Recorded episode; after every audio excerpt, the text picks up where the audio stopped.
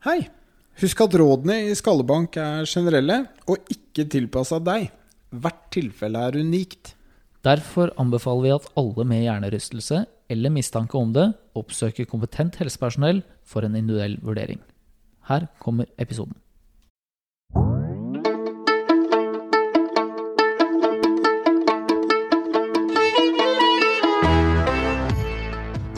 Hei, og velkommen til eh, Skallebank, podkasten om hjernerystelse. Jeg heter Narve Bjørneseth. Og jeg heter Lars Martin Fischer. I dag så skal vi snakke om eh, forebygging. Og mm, det er jo et, eh, en ting som stort sett gjelder innenfor idretten.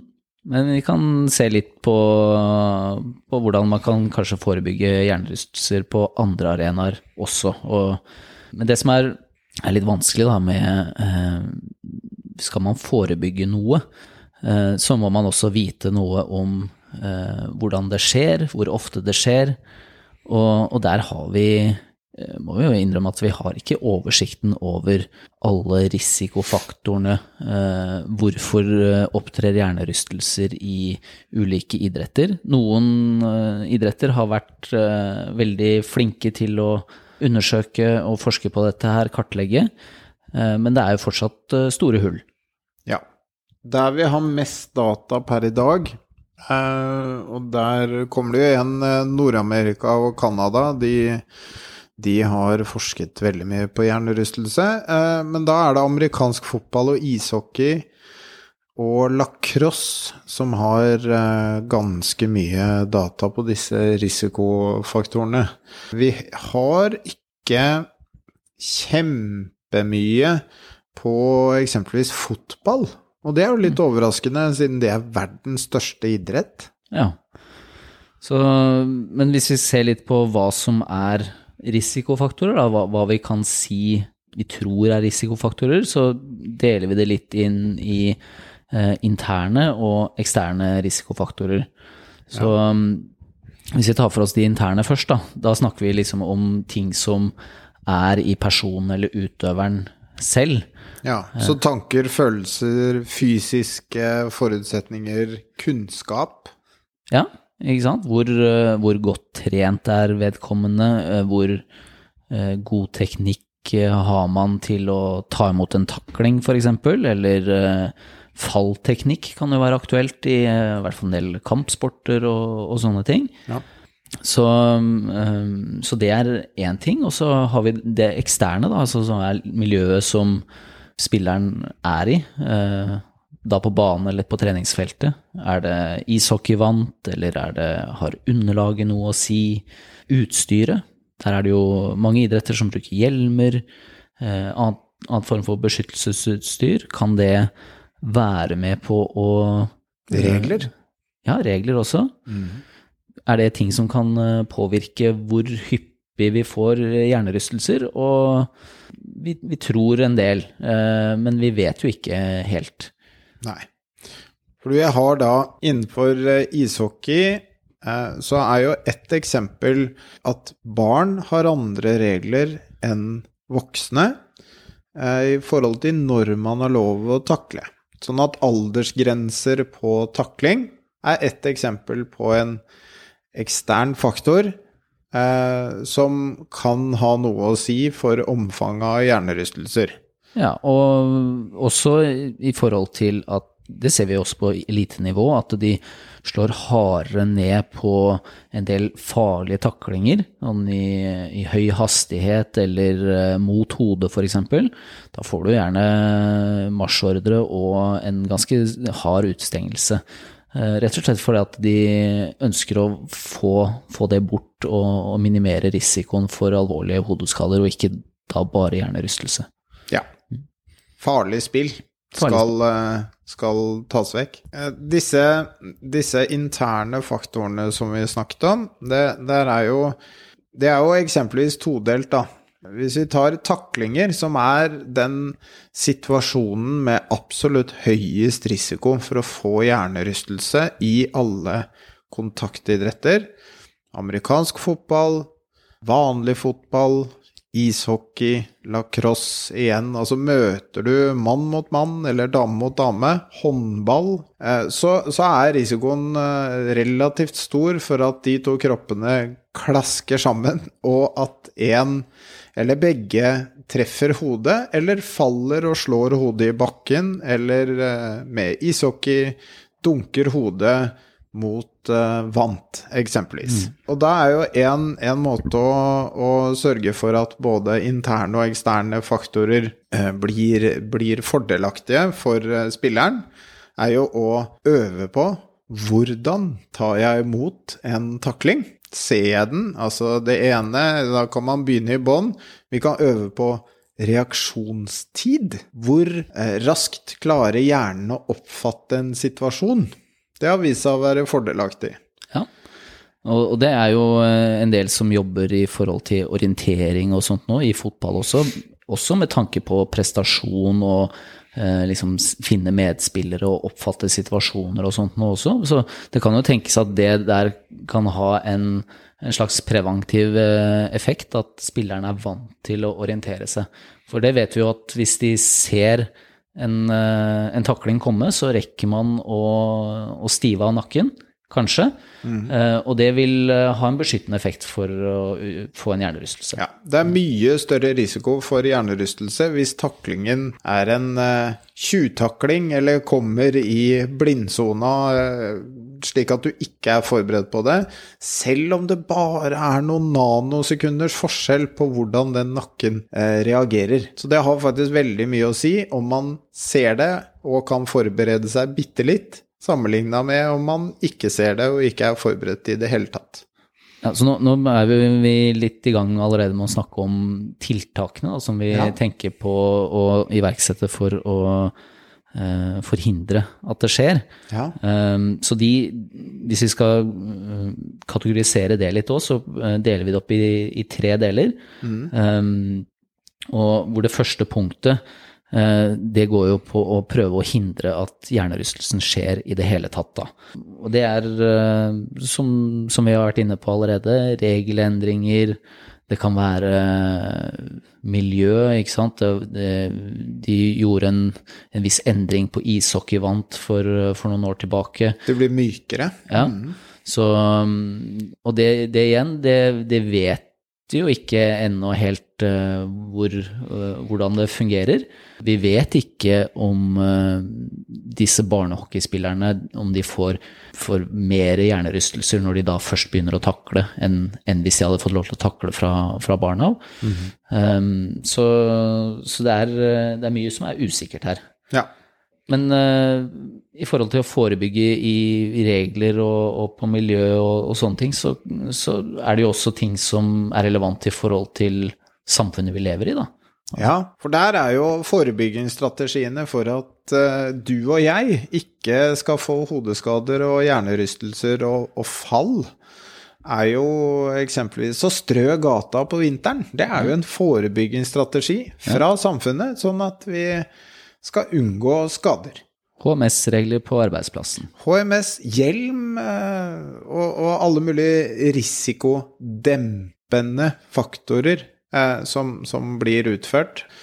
Ja, hjelm er jo et eget punkt vi kan snakke litt mer om etterpå, som ikke nødvendigvis funker så bra for å forebygge hjernerystelse. Men noe som har vært oppe i vinden, er jo disse her elsparkesyklene som, eh, som står rundt om i byen ja. og i stadig flere byer. Ja. Um, Der har vi jo ikke rasende mye forskning å, å vise til, men ifølge uttalelser fra Oslo skadelegevakt, så har jo antallet eh, skader Uh, antall hodeskader, ansiktsskader, tannskader etter frislipp av elsparkesykler var jo enormt mm. i en periode. De sto for jeg tror det var 50% av hodeskadene var elsparkesykkelrelatert i, i en periode i fjor.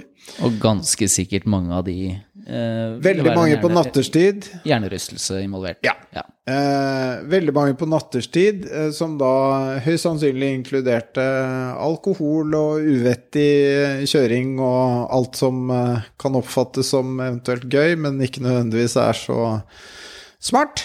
Og så kom det jo regler for noen måneder siden som reduserte antallet elsparkesykler betraktelig. De ble nattestengt og fikk dedikerte parkeringsplasser. Og nå rapporterer vel skadelegevakten at uh, antallet hodeskader uh, relatert til elsparkesykkel har falt brått. Så det er jo et godt eksempel på en forebyggingsstrategi for å unngå at ting skjer i samfunnet, som fungerer eh, tilsynelatende godt, uten at vi kan backe det med veldig mye data per nå. Nei. Ok, så det andre punktet da på, på forebygging, det er jo rett og slett å oppdage hjernerystelsen når den skjer, og for, forhindre at, at, det blir verre. Uh, så der er jo spesielt da informasjon og utdanning viktig eh, i forhold til eh, trenere, de som omgir eh, laget. Men det kan også være på barneskolen, eller at uh, lærere og foreldre får økt kunnskap og, og fange det opp når mm. noe har skjedd. For vi vet at uh, hvis det ikke håndteres ordentlig, så, så kan man risikere at uh, tilstanden blir verre enn den hadde trengt å bli. Og det er en betydelig risiko for at det blir varer lenger enn det det hadde trengt å gjøre. Ja, og, og der, der, kommer man også inn på at noen lag eh, kan bruke egne sånne concussion spotters, som, eh, som har i oppgave å liksom se, se etter det. Mm. Eh, noe vi har snakket om tidligere her på poden, er jo dette med baseline testing. ikke sant? At hvis du har et, et sett med eh, grunnleggende data på, på din, de ulike spillerne, på reaksjon, på balanse, eh, på kognitiv funksjon, så kan det være lettere å fange opp at de har eh, hatt en hjernerystelse. Ja. Eh, for du kan være, virke ganske oppegående selv etter en hjernerystelse.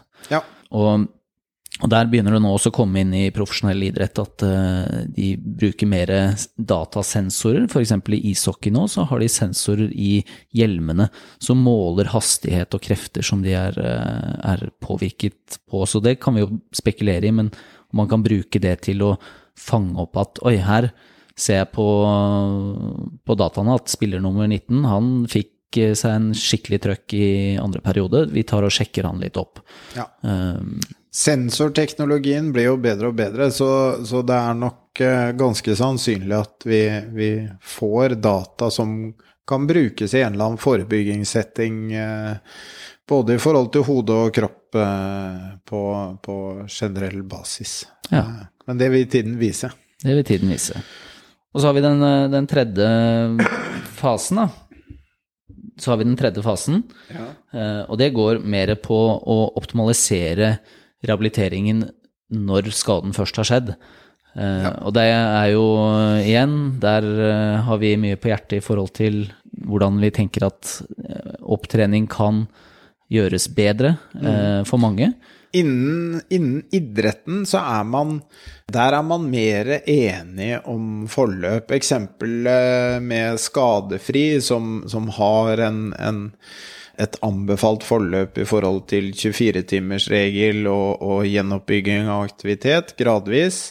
Idretten har generelt sett vært mye flinkere. Det er, det er mye diskusjon i bl.a. Australia om, om disse eh, protokollene som blir, eh, kommer ut, om de er mer på idrettens premisser enn på helsa til utøverens premisser, men det er en annen diskusjon, da. Mm.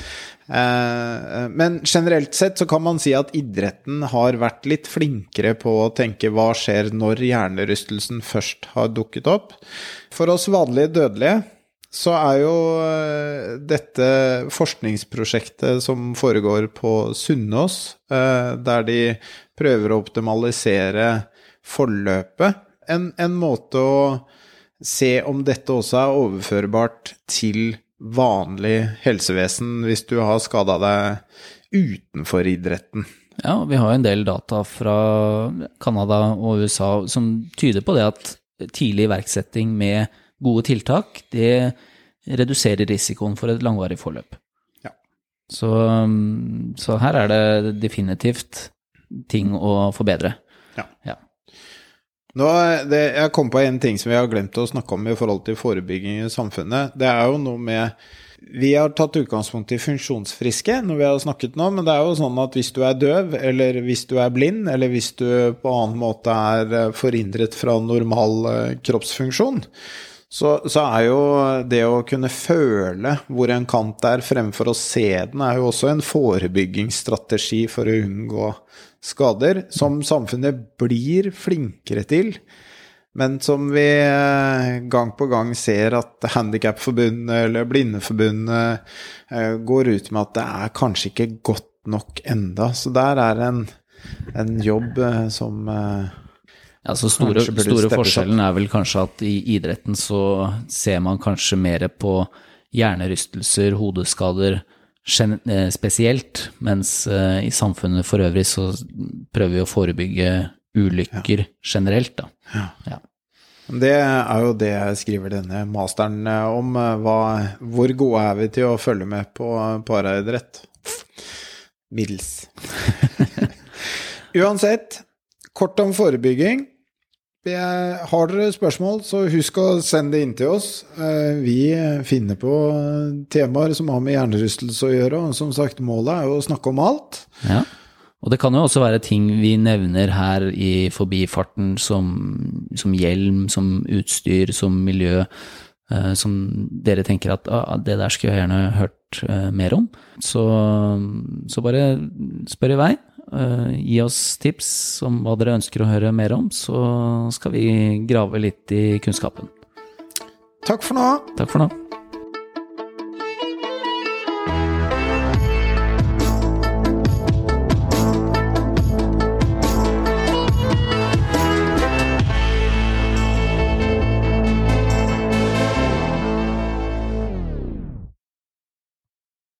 Hei, dette er Narve fra Skallebank. Har du ris, ros eller spørsmål, så setter vi pris på at du sender det til skallebankpod at gmail.com. Du kan også følge oss på sosiale medier under Skallebank hjernerystelse. Det finner du både på Instagram og på Facebook.